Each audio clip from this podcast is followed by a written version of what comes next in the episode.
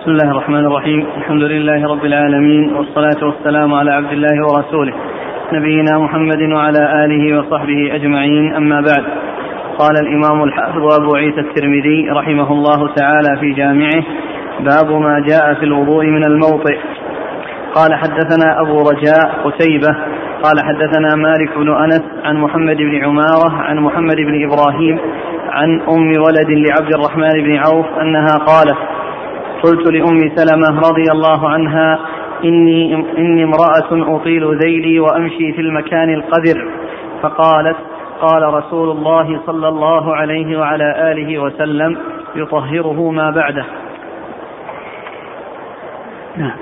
قال وفي الباب عن عبد الله بن مسعود رضي الله عنه أنه قال كنا مع رسول الله صلى الله عليه وعلى آله وسلم لا نتوضأ من الموطئ. قال أبو عيسى وهو قول غير واحد من أهل العلم قالوا إذا وطئ الرجل على المكان القذر أنه لا يجب عليه غسل القدم أو غسل القدم إلا أن يكون رطبا فيغسل, فيغسل ما أصابه قال أبو عيسى وروى وروى عبد الله بن المبارك هذا الحديث عن مالك بن أنس عن محمد بن عمارة عن محمد بن إبراهيم عن أم ولد لهود بن عبد الرحمن بن عوف عن أم سلمة. وهو وهم وليس لعبد الرحمن بن عوف ابن يقال له هود وإنما هو عن أم ولد لإبراهيم بن عبد الرحمن بن عوف عن أم سلمة وهذا الصحيح. بسم الله الرحمن الرحيم. الحمد لله رب العالمين وصلى الله وسلم وبارك على عبده ورسوله نبينا محمد وعلى آله وأصحابه أجمعين. أما بعد فيقول الإمام أبو عيسى الترمذي رحمه الله في جامعة باب في الوضوء من الموطئ والمقصود بالموطئ هو ما يعني يطعه الإنسان في قدمه من قدر وكذلك ثوب المرأة الذي تجره وراءها إذا مر على مكان قدر هل هل يعني يغسل أو تطهره الأرض التي بعده؟ هذه هي الترجمة وهذا هو المقصود منها. وقد أورد أبو عيسى حديث سلمة رضي الله عنها أن أن أن النبي صلى الله عليه وسلم أنه سئل عن المرأة يكون آه، يعني ثوبها يعني يصيب الأرض وراءها وأنها تمر بمكان القدر. وقال عليه الصلاة والسلام يطهره ما بعده يطهره ما بعده. وذكر عن ابن مسعود رضي الله عنه قال كنا لا نتوضأ من الموطئ. كنا لا نتوضأ من الموطئ يعني ما يصيب الأرجل من قدر ما كانوا يتوضؤون له ما كانوا يتوضؤون له. والمقصود ان أن آه، ما يصيب الثوب من من من من قدر إذا كان رطبا أو كان بولا. وقد علم بأنه نجاسة وقد أصابت يعني الثوب. فإنه يجب غسله لأن النجاسة إذا علم تحققها فإنه يجب غسل النجاسة. وأما إذا كان شيء غير متحقق يعني كما يكون في الشوارع من آه، مياه لا تعلم نجاستها فالاصل الطهاره ولا يحتاج إلى ولا يحتاج إلى غسل. وكذلك أيضا آه، القدم إذا وطأت في مكان نجس ومتحقق أنه نجاسة فإنه يجب غسل هذه النجاسة يجب غسل هذه النجاسة. وإذا كان ليس بمتحقق وإنما هو ماء يعني في الشوارع ولا يعلم تعلم نجاسته فالأصل هو الطهارة حتى تعلم آه النجاسة. وإذا كان المكان الذي فيه القدر والنجاسة يابسا ويعني حصل آه المرور عليه أو الوطأ عليه فإن ذلك لا يؤثر.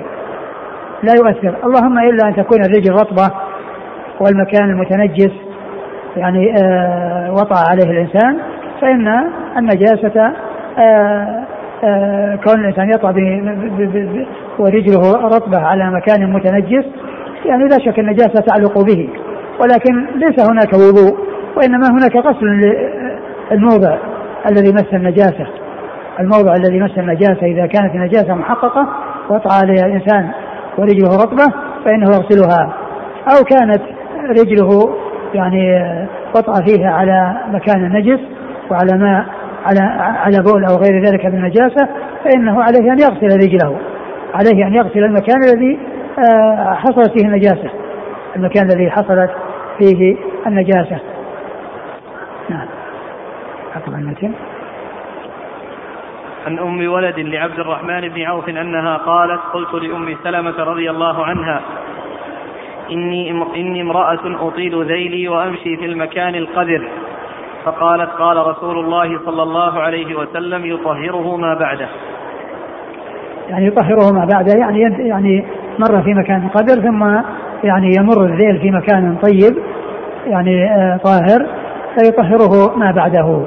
وهذا فيما إذا كان النجاسة آه ليست محققة بمعنى أنه بول يعني مشى عليه الثوب وعلق بالثوب فإن هذا يجب تطهيره. يجب تطهيره ولا يكفي أن يمر على مكان قذر. ولكنه إذا كان المكان قذر ولا وليس بنجس وإن ولا ولا ولم تتحقق النجاسة فإن الأصل هو الطهارة. فإن الأصل هو الطهارة. وإذا كان يابسا ومر عليه الذيل فإنه لا يؤثر فيه. لا يؤثر فيه. لا تؤثر فيه النجاسة. يعني القذر هنا الوسخ ولا النجس؟ يعني إما أن يكون إذا كان إذا كان قذرا وليس بنجس فهذا كما هو معلوم ما هناك نجاسة. ولكن إن كان نجسا إن كان نجسا فهذا هو الذي يؤثر.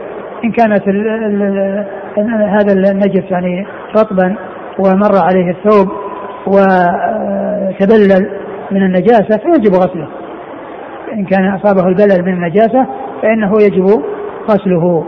وكذلك الرجل إذا وطأت النجاسة يجب غسلها. إذا انغمست الرجل في نجاسة فإنه يجب غسلها. لكن قوله يطهره ما بعده. ففي دليل على أن اللي قبله كان يحتاج إلى تطهير. هو إذا كان يابس فما فيه يحتاج إلى تطهير ولكنه لا يؤثر. يعني آه، كون الذيل مشى عليه ثم يمشي على مكان طاهر فالذي علق به من من تراب وما إلى ذلك متنجس يعني يذهب بالمكان الآخر الذي سيمر به لكن إذا كان إذا كان الذيل أنه مر بنجاسة بول وهو رطب وتحقق أنه وقع في نجاسة هذا يجب غسله. قال وفي الباب عن عبد الله بن مسعود قال كنا مع رسول الله صلى الله عليه وسلم لا نتوضأ من الموطئ. لا نتوضأ من الموطئ إن كان المقصود بالوضوء يعني كونه يطع نجاسة معلوم أن هذا ليس فيه وضوء ليس فيه وضوء وإنما تزال النجاسة من المكان المتنجس ولا ينتقض الوضوء بكون الإنسان أصاب شيئا من جسده نجاسة فإن النجاسة تزال. وإنما وإنما الوضوء ينتقض بالنواقض التي تنقض منها ومنها الحدث فهذا اللي يحتاج إلى وضوء. أما إذا أصاب شيء من جسده نجاسة لا ينتقض وضوءه بذلك بل تزال النجاسة وإن كان المقصود بالوضوء المعنى اللغوي الذي هو الغسل فهذا هو الذي آه يعني آه آه يناسب من حيث المعنى لأنه يحتاج إلى غسل إذا كان يعني فيه نجاسة. ولكنه فيما إذا كان النجاسة المكان المتنجس يابس ووطأ عليه الإنسان ورجله يابسة فإنه لا لا يحتاج إلى غسل. ولكن إن كانت رجله رطبة ووقع ووطأ على مكان متنجس فعليه أن يغسل رجله. وإن كان آه، آه، رجله انغمست في نجاسة في بول أو غيره فإن عليه أن يغسل رجله التي وقعت فيها النجاسة لكن لا يقال أن وضوءه انتقض بل النجاسة تزال والوضوء على ما كان.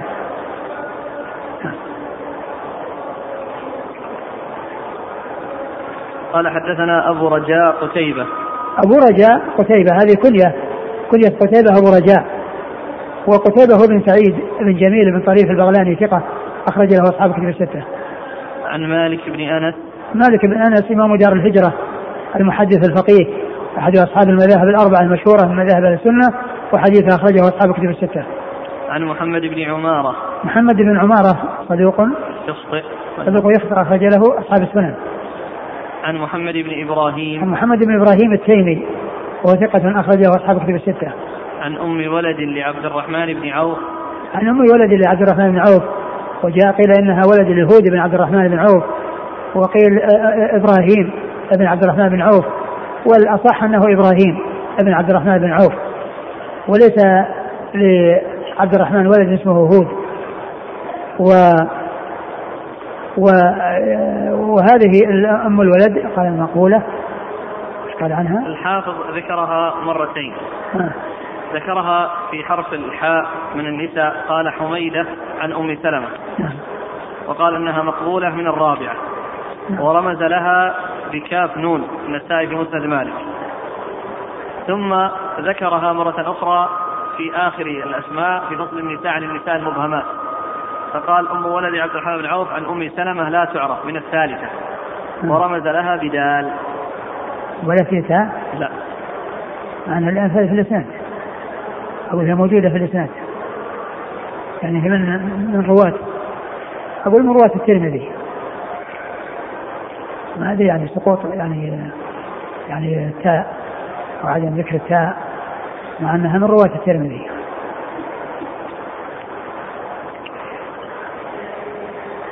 يعني آه، إيش قال عنها الشيخ أحمد شاكر؟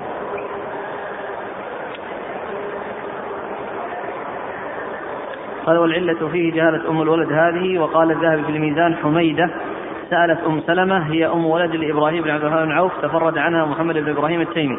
وأما ابن حجر في التهذيب فإنه لم يجزم بأن حميدة هي أم الولد بل جوز ذلك فقط وقال في التقريب إنها مقبولة.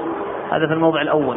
هي؟ حميدة عن أم سلمة. نعم. وهذا هو الراجح فإن جهالة الحال في مثل هذه التابعية لا يضر وخصوصا مع اختيار مالك حديثها وإخراجه إخراجه في الموطأ في موطئه وهو أعرف الناس بأهل المدينة وأشدهم احتياطا في الرواية عنهم. لا وله له شاهد. أقول فيه شاهد عن أنس. يعني آه فيما يتعلق أنه أنه يطهر يعني ما بعده. يعني عن أنس عن عن امرأة بني عبد الاشهل إيش إيش ما ذكرها؟ بني عبد الاشهل ما ذكرها في ليس لعل في على كل هو شاهد. شاهد لهذا الحديث. وعند ابن ماجه صححه الألباني. وهذا صحح الألباني أيضا. يمكن يعني لما له من شواهد.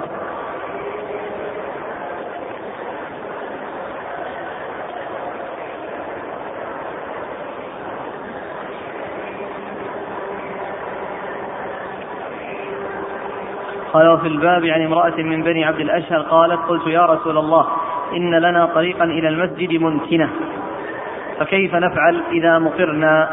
قالت فقال أليس بعدها طريق هي أطيب منها؟ قلت بلى. قال فهذه بهذه. أخرجه أبو داود وسكت عنه هو والمنذري.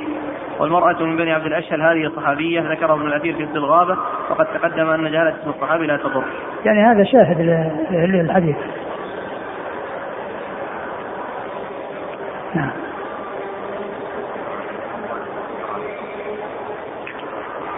ما أدري شوف عنده ولد ما فيه؟ نعم راجع.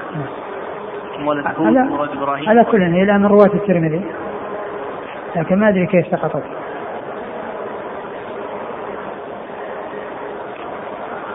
والإسناد متصل.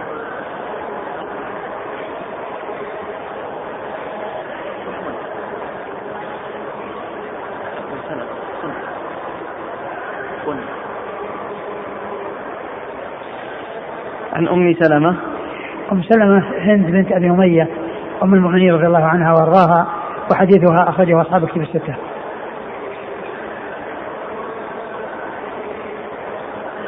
مر معنا سؤال سابق في قضية أن المرأة إذا كان الذي بعده بلاط مثل الآن اللي في الساحات فهل يأخذ التطهير مثل لو تمر على التراب؟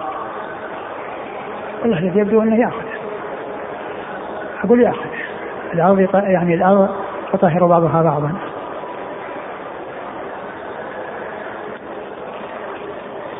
قال وفي الباب عن عبد الله بن مسعود قال كنا مع رسول الله صلى الله عليه وسلم لا نتوضأ من الموطئ. يعني إن أريد به إن أريد به الوضوء اللغوي يعني معناه أنهم لا يغسلون أرجلهم من الموطئ. وأما الوضوء الشرعي الذي هو غسل الوجه واليدين فهذا لا يكون إلا للناقض. والنجاسة يعني آه، آه، إزالتها شيء ورفع الحدث شيء آخر. عبد الله بن مسعود. عبد الله بن مسعود الهذلي رضي الله عنه وحديثه أخرجه أصحاب الكتب الستة.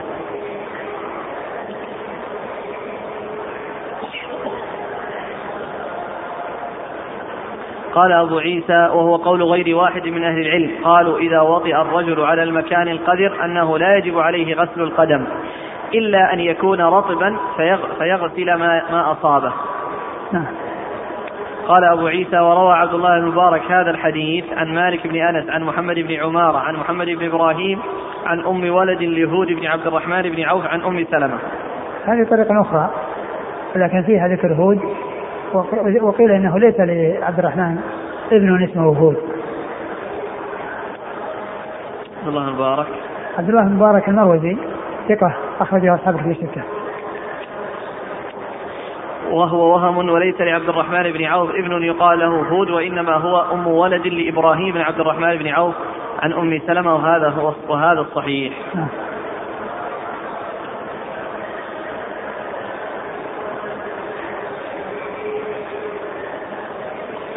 قال رحمه الله تعالى باب ما جاء في التيمم. قال حدثنا أبو حفص عمرو بن علي الفلاس. قال حدثنا يزيد بن زريع. قال حدثنا سعيد عن قتادة عن عزرة عن سعيد بن عبد الرحمن بن أبزة عن أبيه رضي الله عنه عن عمار بن ياسر رضي الله عنهما أن النبي صلى الله عليه وآله وسلم أمره بالتيمم للوجه والكفين. ثم ورد أبو عيسى باب ما جاء في التيمم. أي في صفته وأنه يكون للوجه والكفين وليس إلى الذراعين ولا إلى الآباط وإنما هو الوجه والكفين فقط. وقد جاءت آه، وقد جاءت السنة بذلك آه، صحيحة واضحة عن رسول الله صلى الله عليه وسلم و آه، وذلك فيما يتعلق بالوجه والكفين. أما ما زاد على ذلك من إلى الذراعين أو إلى الآباط فهذا لم يثبت وإنما الثابت الصحيح أنه في الوجه والكفين. وقد أورد أبو عيسى حديث عمار بن ياسر رضي الله تعالى عنه أن أن النبي صلى الله عليه وسلم أمره النبي أمره بالتيمم للوجه والكفين. أمره بالتيمم للوجه والكفين أي أنه الكفين الوجه والكفين فقط يعني دون الذراعين ودون العضدين وإنما هو الكفين فقط. وقد جاء ذكر الكفين في هذا الحديث وفي غيره من الأحاديث. نعم. قال حدثنا أبو حفص عمرو بن علي الفلاس. أبو حفص عمرو بن علي الفلاس ثقة أخرجه أصحاب الكتب الستة بل هو شيخ لأصحاب الكتب الستة. هو شيخ لأصحاب الكتب الستة وهو من أئمة الجرح والتعديل يعني من من من يعني ممن ينقل عنه الكلام في الرجال جرحا وتعديلا. وهو أحد شيوخ الأئمة الستة.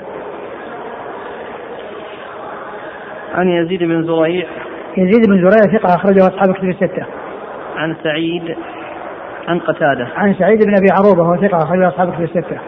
عن قتادة بن دعامة السدوسي البصري ثقة أخرجه أصحاب الكتب الستة. عن عزرة. عن عزرة ابن عبد الرحمن وهو ثقة أخرجه مسلم وأبو داود الترمذي والنسائي. ثقة أخرجه مسلم وأبو داود والترمذي وابن ماجه. الترمذي والنسائي. الترمذي والنسائي. عن سعيد بن عبد الرحمن بن أبزة. سعيد بن عبد الرحمن بن أبزة ثقة أخرجه أصحاب كتب الستة. عن أبي. عن أبيه عبد الرحمن بن أبزة وهو صحابي صغير أخرجه أصحاب الكتب نعم. أخرجه أصحاب الكتب الستة. وعبد الرحمن بن أبزة هذا الذي كان أميرا على مكة في زمن عمر أمره آه، أميرها نافع نافع بن الحارث. نافع بن الحارث عند غيبته عندما غاب عن مكة وقدم على عمر. أمر عبد الرحمن بن أبزة وهو الذي قصته مشهورة في صحيح مسلم في آه، سبب تحديث عمر بالحديث إن الله يرفع بهذا الكتاب أقواما ويضع به آخرين لأنه جاء إليه أميره نافع بن الحارث فقال من وليت على أهل مكة؟ قال وليت عليهم بن أبزة قال ومن ابن أبزة قال مولى من الموالي. قال وليت عليهم مولى؟ قال نعم يا أمير المؤمنين إنه عالم بكتاب الله عارف بالفرائض. هذه مسوغات الاختيار إنه عالم بكتاب الله عارف بالفرائض فقال عليه الصلاة والسلام قال قال قال نبيكم محمد صلى الله عليه وسلم إن الله يرفع بهذا الكتاب اقواما ويضع به آخرين. نعم. عن عبد الرحمن بن عن عن عمار بن ياسر عن عمار بن ياسر رضي الله تعالى عنه وحديثه اخرجه أصحاب كتب الستة. قال وفي الباب عن عائشة وابن عباس عائشة أم المؤمنين رضي الله عنها وارضاها صديقه من الصديق وهي واحدة من سبعه اشخاص عرفوا بكثرة الحديث عن النبي عليه الصلاة والسلام وابن عباس وعبد الله بن عباس بن عبد المطلب ابن عم النبي صلى الله عليه وسلم أحد العباد الأربعة من الصحابة وأحد السبعة المعروفين في كثرة الحديث عن النبي صلى الله عليه وسلم. قال أبو عيسى حديث عمار حديث حسن صحيح وقد روي عن غي عن عمار من غير وجه وهو قول غير واحد من أهل العلم من أصحاب النبي صلى الله عليه وسلم منهم علي وعمار وابن عباس علي رضي الله عنه أمير المؤمنين ورابع الخلفاء الراشدين الهاديين المهديين صاحب المناقب الجمة والفضائل الكثيرة وحديثه أخرجه أصحاب الكتب الستة. وابن وعمار وابن عباس وغير واحد من التابعين منهم الشعبي وعطاء. الشعبي عامر بن شراحيل الشعبي ثقة أخرجه أصحاب الكتب الستة وعطاء وابن أبي رباح ثقة أخرجه أصحاب الكتب الستة. ومكحول. ومكحول الشامي وهو ثقة أخرج حديث البخاري في جزء القراءة. نعم. ومسلم وأصحاب السنة. قالوا التيمم ضربة للوجه والكفين.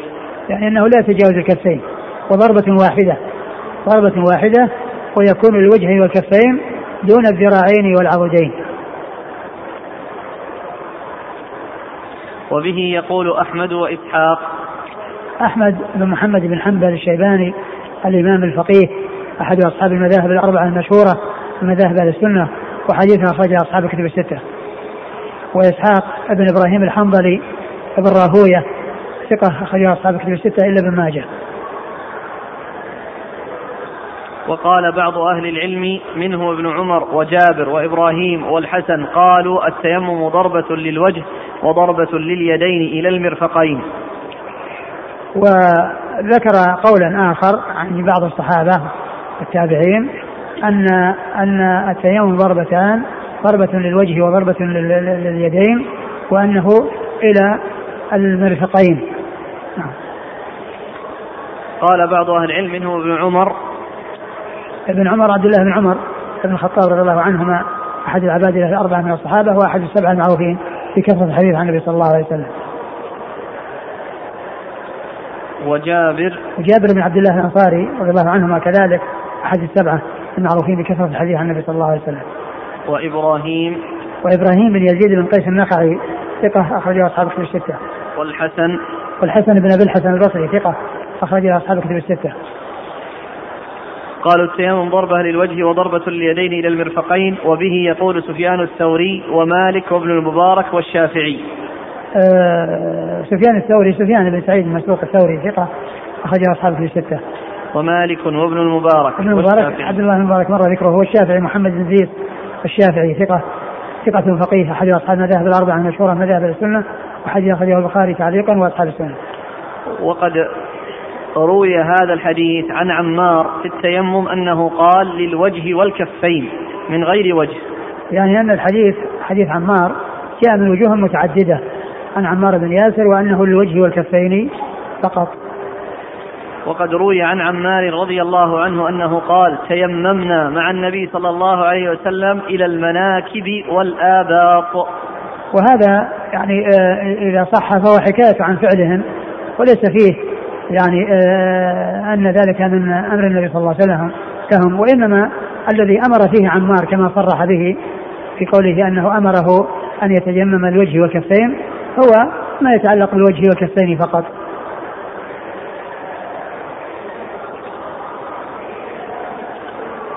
فضعف بعض أهل العلم حديث عمار عن النبي صلى الله عليه وسلم في التيمم للوجه والكفين لما روي عنه حديث المناكب والآباط. آه، حديث الوجه والكفين هذا ثابت. خرجه تعليقه في الصحيحين. رواه الدارمي وأحمد وأبو داود والجارود والبيهقي. وقد روى البخاري ومسلم من حديث عبد الرحمن بن أبزة.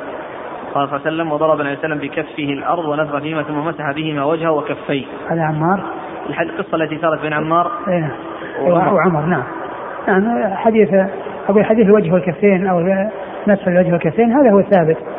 نعم. وليس ولا ولا يضعف. وإنما غيره هو الذي يضعف.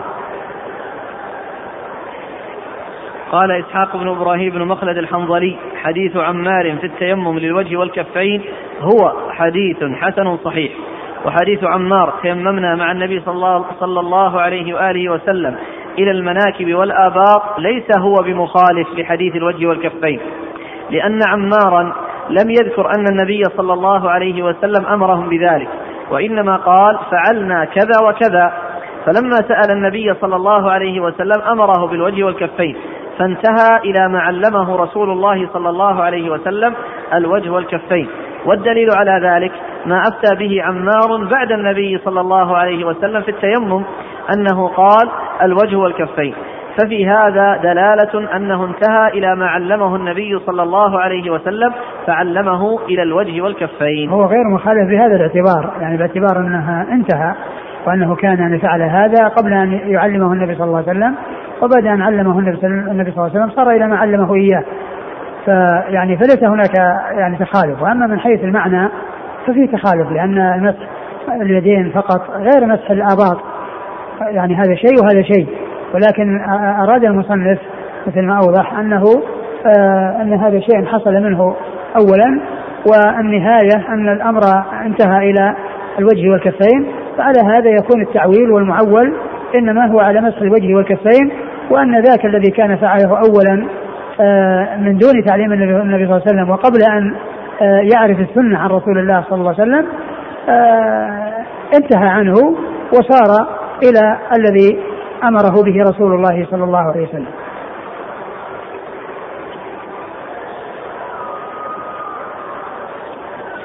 قال وسمعت أبا زرعة عبد الكريم بن عبد عبيد الله بن عبد الكريم يقول لم أر بالبصرة أحفظ من هؤلاء الثلاثة علي بن المديني وابن الشاذكوني وعمرو بن علي الفلاس. أه بعدما ذكر الفلاس في الإسناد ويعني ذكر شيئا من الثناء عليه ذكر شيئا من الثناء عليه من هو الذي قال هذا؟ أبو زرعة. أبو زرعة عبيد الله بن عبد الكريم. أبو زرعة الرازي عبيد الله بن عبد الكريم وهو ثقة أخرج حديثه مسلم و الترمذي والنسائي بن ماجه. والترمذي والنسائي بن ماجه. لم أرى بالبصرة أحفظ من هؤلاء الثلاثة علي بن المديني. علي بن المديني هو علي بن عبد الله المديني وهو وهو ثقة آه، هو الذي قال عنه البخاري لما استصغر نفسي إلا عند علي بن المديني.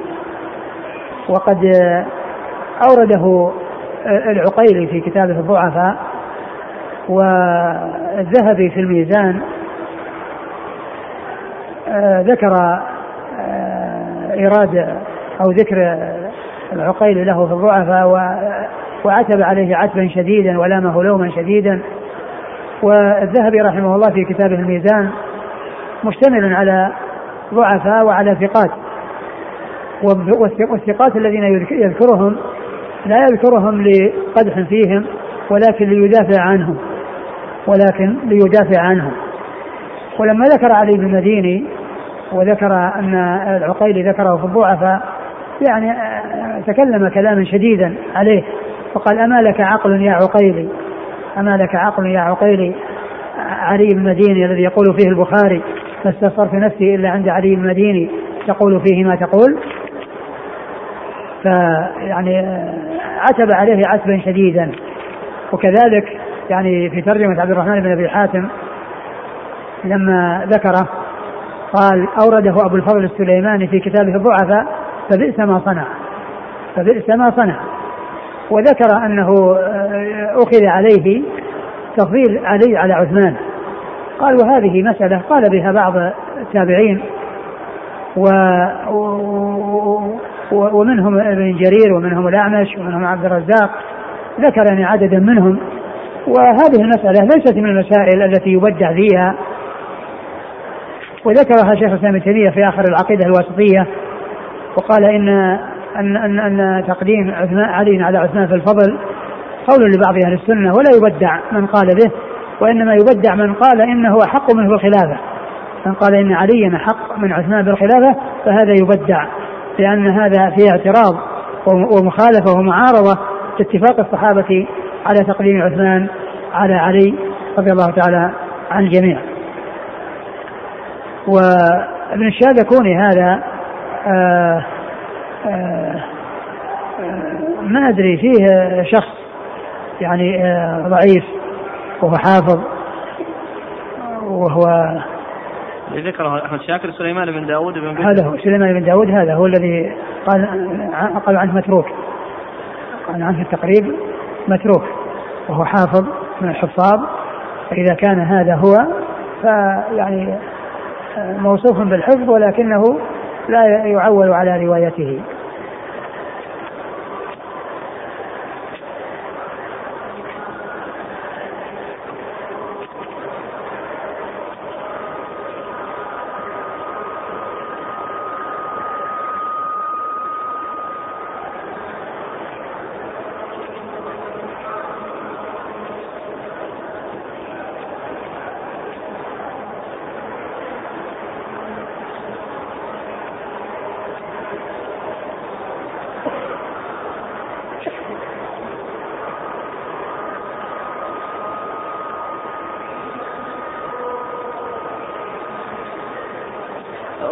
ذكره في التهذيب مع أنه ما له في التقريب.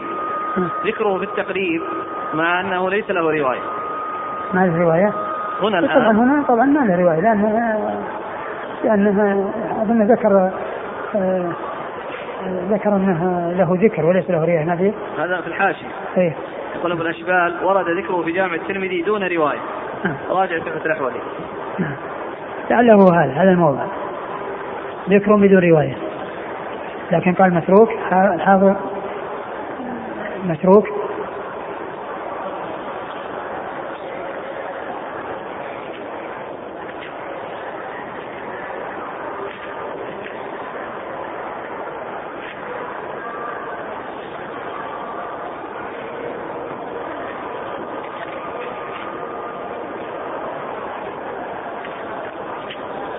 ونفسه في المكان اللي فيه التعليق. لا هو ذكر بارك الله فيك في الأسماء وما حك ما حكم عليه. اي ذكره في الكناة. هذا من تدخلاته بالاشبال وضع بين قوسين. وبعدين ذكره في الكناة. وذكر لا ضاف الأنساب. آه. في الأنساب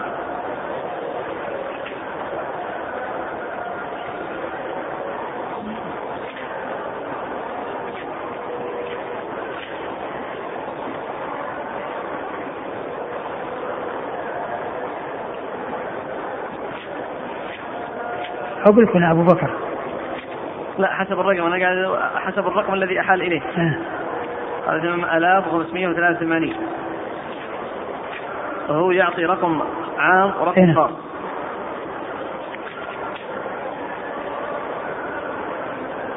حطوا في الأنساب من الألقاب.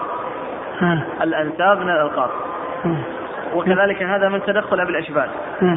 قال الشاذكوني سليمان بن داود. وضع بين قوسين بن بشر أبو أيوب المنقري الحافظ البصري متروك من السابعة. من السابعة؟ من التاسعة. من التاسعة. هنا نعم. سليمان بن داود قال؟ إيه. آه, آه، ما أدري هل المقصود بهذا أو غيره. ليظهر أنه ما له ترجمة حقيقة في التهذيب. بدلالة أن الحافظ ترجم له في اللسان. إيه إذا كان ترجم اللسان لا يكون لا يكون رجال أقول لا يكون رجال تقريبا. لذلك الشيخ لكن ذكر يقول لكن ذكر هنا. بين قوسين. إيه؟ الشاذكوني قال داود بن بشر وترك. أما الحكم عليه هذه من تدخلات بين قوسين. الشيخ أحمد شاكر يقول وله ترجمة في الميزان ولسان الميزان. وقد تكلم فيه بعض العلماء وضعفوه من جهة صدقه. ودافع ها؟ صدقه؟ نعم. ودافع عنه بعضهم. ومات كذلك نعم. ضعفوه جهة صدقة. نعم. يعني إنه يعني تكلموا في صدقة يعني. المقصود ان تكلموا في صدقة. أيوه. قال ودافع عنه بعضهم ومات سنة 234 آه. له ترجمة في تاريخ أصبهان لأبي نعيم وتذكرة الحفاظ وقال قبلها هذه النسبة قال إنما قيل له الشاذكوني لأن أباه كان يتجر إلى اليمن وكان يبيع هذه المضربات الكبار وتسمى شاذكونة فنسب إليها والمشهور بهذه النسبة أيوب أبو أيوب. سليمان بن داود بن بشر بن زياد المنقري البصري المعروف باسم الشاذكوني من أهل البصرة. كان حافظا مكثرا جالس الأئمة والحفاظ ببغداد ثم خرج إلى أصبهان فسكنها وانتشر حديثه بها. وله ترجمة في الميزان ولسان الميزان. والفلاس؟ نعم. والفلاس عمرو بن علي.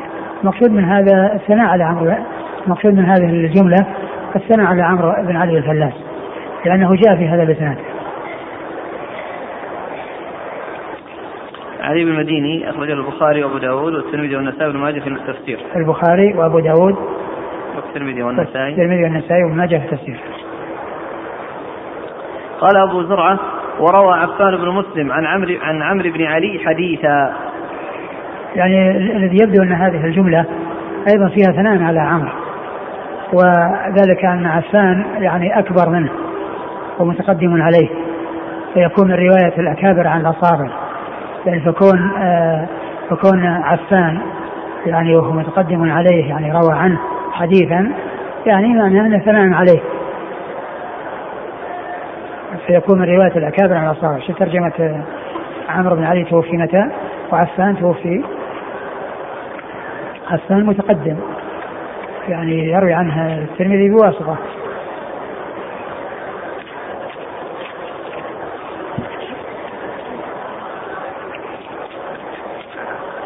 عفان سنة تسعة عشر وذاك تسعة وثلاثين أو تسعة أو تسعة وأربعين. هو قال ابن معين أنكرناه في صفر سنة 19 ومات بعدها بيسير. شو يقول؟ شو؟ يقول خبرنا إيه؟ ابن معين يقول آه. أنكرناه آه. في صفر سنة 19 آه. ومات بعدها بيسير ومات بعدها بيسير آه. هذا في التقريب؟ أي نعم آه. والفلاس توفي بعده بمدة سنة 49 سنة 49 يعني المقصود من هذه الجملة هو يعني كون آه هذا الذي هو متقدم عليه روى عنه. ونمر بنا يعني مثال من هذا من كليات الأكابر على الصالح. هذا من حيث آه، سنة الوفاة ولا من حيث الطبقة؟ فإن الحافظ جعل عفان من كبار العاشرة. اي نعم متقدم يعني. وذاك من العاشرة. من العاشرة يعني متأخر بينهم 30 سنة. بينهم 30 سنة إذا إذا كان إذا كان يعني إذا كان إذا كان توفي في نفس السنة. عفان أخرج له الثاني بن مسلم الصفار ثقة أخرجه أصحاب الكتب الستة. قال حدثنا يحيى بن موسى قال حدثنا سعيد بن سليمان قال حدثنا هشيم عن محمد بن خالد القرشي عن داود بن حصين عن عكرمة عن ابن عباس رضي الله عنهما أنه سئل عن التيمم. فقال إن الله قال في كتابه حين ذكر الوضوء فاغسلوا وجوهكم وأيديكم إلى المرافق. وقال في التيمم فامسحوا بوجوهكم وأيديكم. قال وقال والسارق والسارقة فاقطعوا أيديهما. فكانت السنة في القطع الكفين. إنما هو الوجه والكفان يعني التيمم. ثم أورد هذا الأثر عن ابن عباس أنه سئل عن التيمم. فقال إن الله عز وجل ذكر الوضوء وغسل الأيدي إلى المرافق. فبين النهاية التي ينتهى في ينتهي فيها غسل اليدين. وأما بالنسبة للكفين فقد جاء وبالنسبة للتيمم فقد جاء مطلق. قال أيديكم الوجه فامسحوا بوجوهكم بوجوهكم وايديكم منه. فذكره مطلقا ولم يقيده بغاية. وقد جاء في في السرقة القطع من من قطع من الكف. فيقول فقال إن يعني أنه حيث أطلق فإنه يراد به الكف. فيكون التيمم إنما هو الوجه والكفين. إنما هو الوجه والكفين. وكما هو معلوم الحديث يعني قد ثبت في هذا عن رسول الله صلى الله عليه وسلم في الصحيحين وفي غيرهما وأن ذلك للوجه والكفين فقط. وهذا الأثر عن ابن عباس. بإسناده محمد بن خالد القرشي وهو مجهول. قال حدثنا يحيى بن موسى. يحيى بن موسى البلخي هو ثقة أخرجه البخاري وأبو داود والترمذي والنسائي. ثقة أخرجه البخاري وأبو داود والترمذي والنسائي. عن سعيد بن سليمان. عن سعيد بن سليمان وهو ثقة أخرجه أصحاب الكتب. ثقة أخرجه أصحاب الكتب الستة. عن هشيم. هشيم بن بشير الواسطي ثقة أخرجه أصحاب الكتب الستة. عن محمد بن خالد القرشي عن محمد بن خالد القرشي وهو مجهول أخرج له وأبو داود في المراسيل والترمذي. أبو داود في المراسيل والترمذي. عن داود بن حصين عن داود بن حسين وهو ثقة إلا في عكرمة أخرجه أصحاب الكتب. ثقة إلا في عكرمة أخرجه أصحاب الكتب وروايته هنا عن عكرمة. وعكرمة هو مولى بن عباس ثقة أخرجه أصحاب الكتب الستة. وابن عباس عبد الله بن عباس رضي الله عنه ومر ذكره. قال أبو عيسى هذا حديث حسن غريب صحيح. هذا حسن غريب صحيح لكنه من حيث الإسناد فيه هذا المجهول.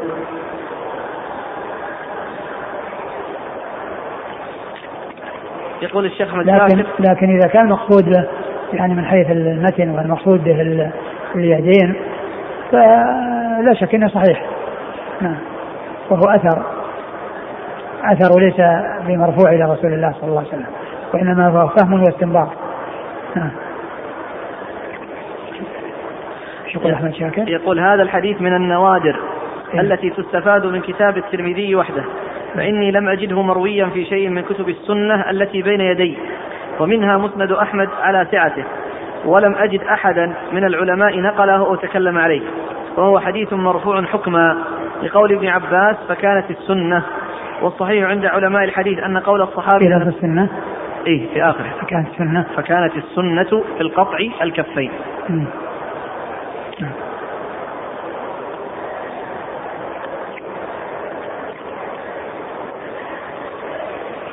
فكانت السنة في القطع الكفين هذا أقول هذا فيما يتعلق بالقطع. وهو يعني استنبط. لكن السنة جاءت في الوجه والكفين في البخاري ومسلم وفي غيرهما.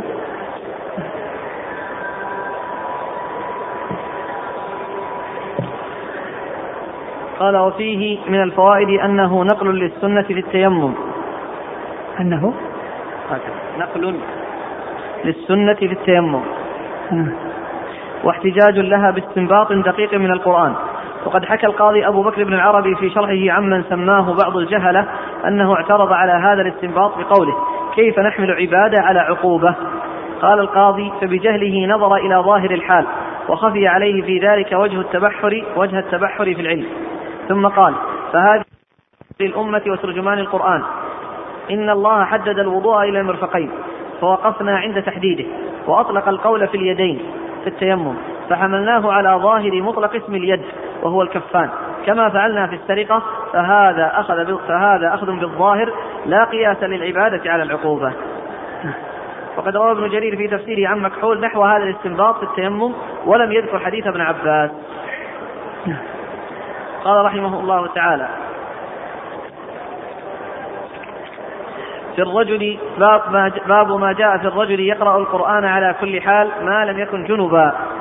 قال حدثنا أبو سعيد عبد الله بن سعيد الأشج. قال حدثنا حفص بن غياث وعقبة بن خالد. قال حدثنا الأعمش وابن أبي ليلى عن عمرو بن مرة عن عبد الله بن سلمة عن علي رضي الله عنه أنه قال كان رسول الله صلى الله عليه وآله وسلم يقرئنا القرآن على كل حال ما لم يكن جنبا.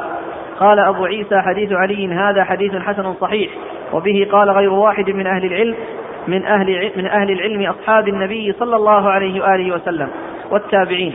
قالوا يقرأ الرجل القرآن على غير وضوء ولا يقرأ في المصحف إلا وهو طاهر. وبه يقول سفيان الثوري والشافعي وأحمد وإسحاق. انتهى؟ نعم. ثم ورد أبو عيسى هذه الترجمة باب الرجل يقرأ القرآن ما لم يكن جنوبا باب ما جاء في الرجل يقرأ القرآن على كل حال ما لم يكن جنبا. باب ما جاء في الرجل يقرأ القرآن في كل حال ما لم يكن جنبا. يعني أن الجنب أنه لا يقرأ القرآن. وأيضا والجنب جنابته بيده. يعني يستطيع أن يرفعها بسرعة وأن ينهيها بسرعة. وذلك إن كان الماء موجودا استعمله بحيث يكون موجودا أو قادرا على استعماله. وإذا وإذا كان غير موجود أو أو أو هو موجود ولكن غير قادر على استعماله فإنه ينتقل إلى التيمم وبذلك يرتفع الحدث. وبذلك يرتفع حدثه فيقرأ القرآن. فالتيمم آه، أمره بيده من حيث المدة أو بحيث آه، سرعة آه، الانتهاء من من الجنابة بالاغتسال أو أو, أو بالتيمم. وقد أورد أبو عيسى حديث علي رضي الله عنه. أن النبي صلى الله عليه وسلم كان يقرأه يقرأهم القرآن ما لم يكن جنبا. أنه كان يقرأهم القرآن ما لم يكن جنبا. و وجاء يعني آه، آه، في بعض الأحاديث أنه يعني كان آه، لم يرد السلام وهو على يعني غير وضوء وذلك لاحترام اسم الله عز وجل. وكون كونه لا يقرأ الجنب القرآن آه، مع أنه من وهو من ذكر الله عز وجل بل هو بل هو خير ذكر الله سبحانه وتعالى. يعني يدل على أن الإنسان لا يقرأ الجنوب الجنوب لا يقرأ القرآن. والحديث آه، في إسناده مقال ولكن سبق أن مر الحديث الذي يتعلق بالجنابة وبالحيض. ولا شك أن الاحاديث يقوي بعضها بعضا. وقد مر أنه بالنسبة للحيض المرأة إذا خشيت آه، نسيان حفظها فلها أن تقرأ. وأما الجنوب فليس له أن يقرأ حتى يغتسل وتخلصه من الجنابة آه، هو بيده بخلاف الحائض فإن انتهاء حيضها ليس بيدها والجنوب انتهاء جنابته آه، بيده. نعم. قال حدثنا أبو سعيد عبد الله بن سعيد الأشج. هو ثقة أخرجه أصحاب في الستة. عن حفص بن غياث. عن حفص بن غياث وهو ثقة وهو ثقة أخرج له. أصحاب الكتب. أصحاب الكتب الستة. وعقبة بن خالد. وعقبة بن خالد هو ثقة أخرج له. صدوق. أخرج له. أصحاب الكتب. أصحاب الكتب الستة. عن الأعمش. الأعمش سليمان بن مهران الكاهلي ثقة أخرجه أصحاب الكتب الستة. وابن أبي ليلى. وابن أبي ليلى محمد بن عبد الرحمن بن أبي ليلى وهو ضعيف. صدوق سيء الحفظ. صدوق سيء الحفظ. أخرج حديثه. أصحاب السنن. أصحاب السنن. عن عمرو بن مرة. عن عمرو بن مرة الهمداني ثقة أخرج أصحاب كتب الستة. عن عبد الله بن سلمة. عن عبد الله بن سلمة وهو صدوق تغير حفظه. صدوق تغير حفظه أخرج له أصحاب السنن. أصحاب السنن. عن علي. عن علي رضي الله عنه أمير المؤمنين وقد مر ذكره. قال أبو عيسى حديث علي هذا حديث حسن صحيح. وبه قال غير واحد من أهل العلم أصحاب النبي صلى الله عليه وسلم والتابعين. قالوا يقرأ الرجل القرآن على غير وضوء ولا يقرأ في المصحف إلا وهو طاهر. يقرأ القرآن يعني وهو على غير وضوء. إذا كان إذا كان ليس على وضوء فيقرأ من حفظه ولكنه في المصحف لا يقرأ إلا وهو طاهر. إذا كان في المصحف لا يقرأ إلا وهو طاهر. نعم. في قوله صلى الله عليه وسلم لا يمس القرآن إلا طاهر. وبه يقول سفيان الثوري والشافعي وأحمد وإسحاق. مر ذكر هؤلاء جميعا. قال رحمه الله تعالى باب ما جاء في البول يصيب الأرض. قال حدثنا ابن أبي عمر وسعيد بن عبد الرحمن المخزومي. قال حدثنا سفيان بن عيينة عن الزهري عن سعيد بن المسيب عن أبي هريرة رضي الله عنه أنه قال دخل أعرابي المسجد والنبي صلى الله عليه وسلم جالس فصلى فلما فرغ قال اللهم ارحمني ومحمدا. ولا ترحم معنا أحدا. فالتفت إليه النبي صلى الله عليه وسلم فقال لقد تحجرت واسعا فلم يلبث أن بال في المسجد. فأسرع إليه الناس فقال النبي صلى الله عليه وسلم أهريقوا عليه سجلا من ماء أو دلوا من ماء. ثم قال إنما بعثتم ميسرين ولم تبعثوا معسرين. قال سعيد قال سعيد قال سفيان وحدثني يحيى بن سعيد عن أنس بن مالك رضي الله عنه نحو هذا. قال وفي الباب عن عبد الله بن مسعود وابن عباس وواتلة بن الأسقع رضي الله عنهم. قال أبو عيسى وهذا حديث حسن صحيح والعمل على هذا عند بعض أهل العلم وهو قول أحمد وإسحاق. وقد روى يونس هذا الحديث عن الزهري عن عبيد الله بن عبد الله عن أبي هريرة رضي الله عنه. ثم ورد أبو عيسى هذه ثانية باب في البول يصيب الأرض. يعني كيف تطهر الأرض؟ أي كيف يكون تطهير الأرض إذا أصابها البول؟ آه وتطهير الأرض إذا أصابها البول يكون بصب الماء عليها. يعني إذا كانت ترابا ورملية فإنه يصب الماء ويكاثر عليها وتطهر بذلك. وإذا كان آه الأرض ليست رملية مثل البلاط فإنه يصب الماء ولكنه يمسح بمناشف وبأشياء يعني تزيل يعني آه، تلك النجاسة مع يعني هذا الماء الذي آه، صب عليها فإذا كانت رملية وترابية يصب عليها حتى يختلط وحتى يغمر الماء النجاسة ويقضي عليها وإذا كان البول لا يذهب في الأرض بل, بل فيمسح و يعني يصب الماء يعني على مكانه ثم أيضا يمسح حتى يتحقق بأن النجاسة قد ذهبت عن ذلك المكان المتنجس. وقد أورد أبو عيسى حديث آه، أبي هريرة أبي هريرة رضي الله عنه أن رجلا دخل المسجد وقال, وقال اللهم ارحمني ومحمدا ولا آه، ترحم معنا أحدا. فالنبي صلى الله عليه وسلم التفت إليه وقال لقد تحجرت واسعا يعني حيث خصصت نفسك يعني بطلب الرحمة و وأن لا يرحم أحد. ومعه ومع النبي صلى الله عليه وسلم. يعني تحجرت واسعا يعني ضيقت شيئا آه، واسعا. ورحمة الله وسعت كل شيء. ولا تختص بأشخاص معينين. فقال عليه الصلاة والسلام لقد تحجرت واسعا. يعني ضيقت ما هو واسع. ثم فما لبث ثم لم يلبث أن بال في المسجد. فبادره الصحابة يعني يزجرونه فأشار إليهم أن يتركوه.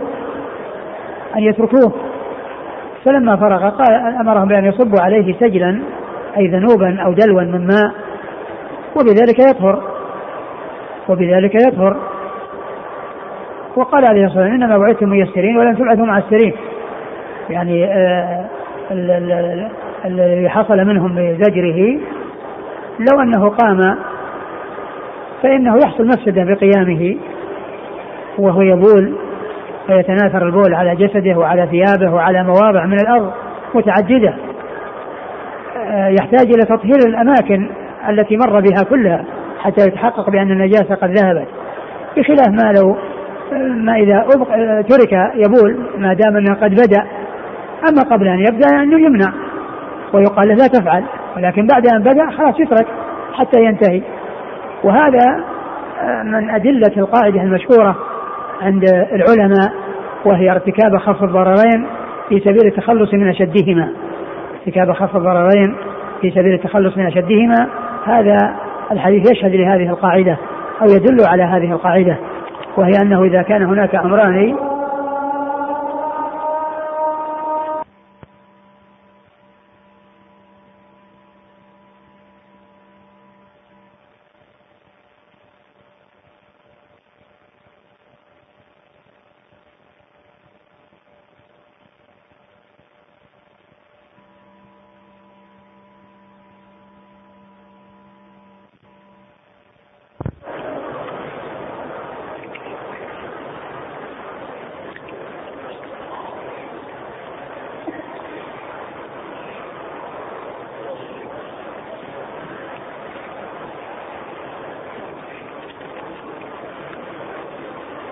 إذا كان هناك ضرران ولكن أحدهما أشد من الآخر وكان لابد من آه، الأخذ بواحد منهما فإنه يرتكب أخف الضررين في سبيل التخلص من أشدهما. وهو في هذا الحديث آه، الرجل بدأ يبول. قبل أن يبدأ بالبول يمكن يقال يمنع ويقال آه، اخرج من المسجد. ولكن بعد أن بدأ بالبول يعني حصل الضرر. هذا ضرر كونه بدا في المسجد. وهو ضرر أخف وضرر الأشد يعني لو زجر ويعني ذهب بسرعة والناس وراءه يعني يزجرونه وقد بدأ بالبول فإنه يتقاطر البول ويتناثر على الأرض وعلى ثيابه وعلى جسده. ثم الأرض تحتاج إلى أن تطهر. التي التي تقاطر عليها البول. تحتاج إلى أن تطهر. ويكون تطهيرها يحتاج إلى مسافة تطهر. وهذا بخلاف البقعة التي محصورة التي آه، ترك يبول فيها ثم يصب عليها الماء فانه يحصل التطهر بسهولة. يحصل تطهيرها بسهولة. أما تلك ففيها مفسدة كونه يعني آه، على جسده وعلى ثيابه وعلى أماكن متفرقة من الأرض. فكل ذلك يحتاج إلى تطهير. فارتكاب خف الضررين في سبيل التخلص من أشدهما. هذه قاعدة من قواعد الشريعة وهذا الحديث يدل على آه، على هذه القاعدة. يدل على صحة هذه القاعدة وعلى ثبوت هذه القاعدة. نعم. قال حدثنا ابن أبي عمر. ابن أبي عمر محمد ابن يحيى بن أبي عمر العدني. صدوق هذه مسلم والترمذي والنسائي وابن ماجه. وسعيد بن عبد الرحمن المخزومي. وسعيد بن عبد الرحمن المخزومي هو ثقة أخرجه الترمذي والنسائي. ثقة أخرجه الترمذي والنسائي. عن سفيان بن عيينة. سفيان بن عيينة المكي ثقة أخرجه أصحاب الكتب الستة. عن الزهري. عن الزهري محمد بن مسلم بن عبيد الله بن شهاب الزهري ثقة أخرجه أصحاب الكتب الستة. عن سعيد بن المسيب. سعيد بن المسيب ثقة فقيه أحد فقهاء المدينة السبعة في عصر التابعين. أخرج له أصحاب الكتب الستة. عن أبي هريرة. عن أبي هريرة عبد الرحمن بن صخر الدوسي رضي الله عنه وهو أكثر الصحابة حديثا. يقول الأخ جاء في رواية البخاري وغيره تقديم البول على دعاء الأعرابي عكس ما هو في حديث أبي هريرة في الترمذي والله يبدو يبدو أن أن أن أن, أن لعل أقول لعل هذا القول بسبب آه، ما لقيه من النبي صلى الله عليه وسلم من الرفق واللين والصحابة يعني لقي منهم يعني هذه الشدة. فقال, فقال ما قال. يعني فتقديم الكلام يعني على على على على البول وكونه قال ذلك يعني آه، هذا قد يكون له وجه. قال يعني تقديم البول يعني كونه يعني, يعني بعد ما حصل قال اللهم ارحمني ومحمدا ولا تش ولا ولا ترحم معنا أحدا. نعم. قال سعيد قال سفيان. وحدثني يحيى بن سعيد عن أنس بن مالك نحو هذا. آه، قال سعيد إيش؟ قال سعيد قال سفيان.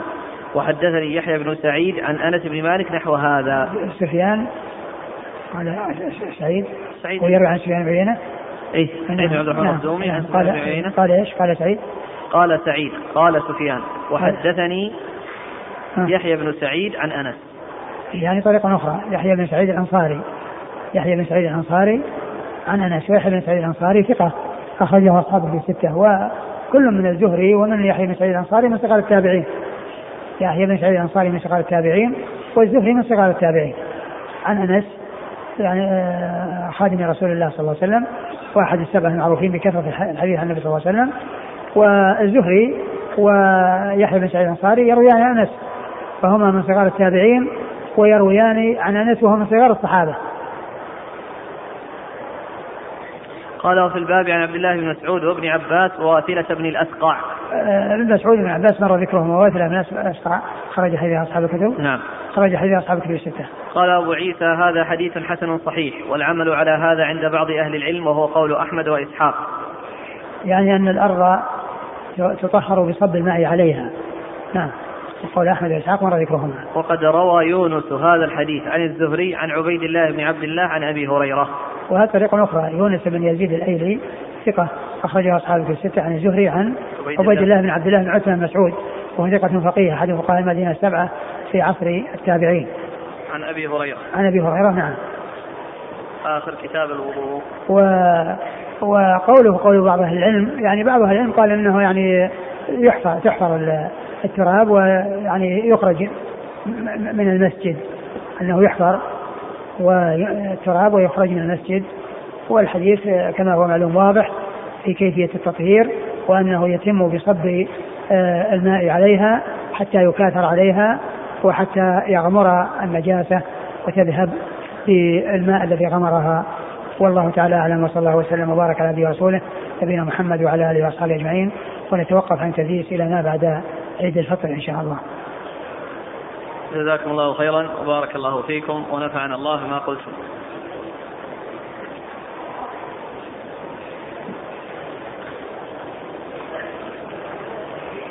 يقول إذا بال الصغير في المسجد على الفرش آه التي لا يمكن أن ترفع ليغسل لتغسل خارج المسجد فماذا يفعل لتطهر؟ مثل مثل ما ذكرنا في قضية البلاط. أنه يعني يصب عليها الماء ويكاثر عليها الماء ويمسح.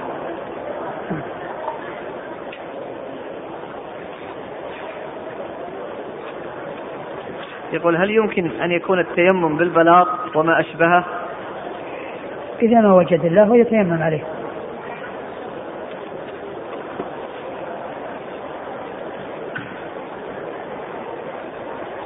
يقول إذا كنت أحمل في جيبي مصحف صغير فانتقض وضوئي ماذا أفعل؟ لا يؤثر. يعني كونك تحمل في جيبك مصحف وأنت على غير وضوء ما يؤثر. المحذور أنك ما تقرأ فيه. وأما كونك يعني تحمل في جيبك أو تمسك في يدك وتنقله من مكان إلى مكان هذا لا بأس به. وإنما المحذور أنك تقلبه وتفتشه وتقرأ فيه. وأما لو كان مفتوحا وقرأت بدون أن تلمسه أيضا لا بأس. يقول عندنا بعض الناس على مذهب الإمام أبي حنيفة يتيممون ضربتين ضربة للوجه وضربة لل... لليدين إلى المرفقين فهل يصح تيممهم وتصح الصلاة؟ نعم يصح وما هو الراجح ضربة أم ضربتان؟ ضربة واحدة كيف يتيمم كيف يتيمم من كان في الطائرة؟ إذا كان في الطائرة ماء فيتوضأ من الماء الذي في الطائرة والطائرة في الغالب يكون مع يكون فيها ماء. وإذا لم يكن فيها ماء أو كان لا يوجد فيها إلا ماء يكفي يعني للشرب أو يعني للاستنجاء فإنه يتيمم على الأرض على أرض الطائرة. هل الترتيب في التيمم واجب؟ بماذا يبدأ؟ هو يعني ورد في بعض الأحاديث يعني مسح ظاهر كفيه ووجهه وفي بعضها وجهه وجهه وكفيه يعني الحديث الأول اللي عندنا إيش يقول؟ قال يعني وجه أمره بمسح وجهه وكفيه أمره بالتيمم للوجه والكفين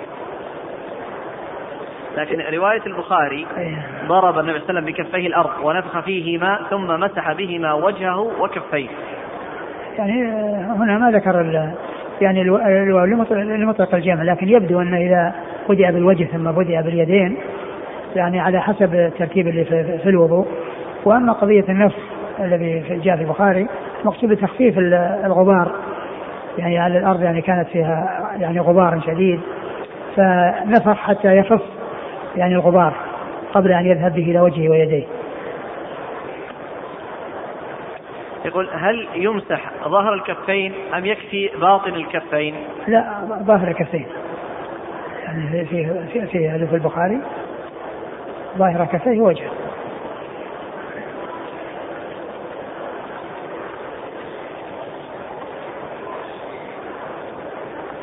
ثم مسح بهما وجهه وكفيه. لا فيه فيه ظاهر كفيه وجهه.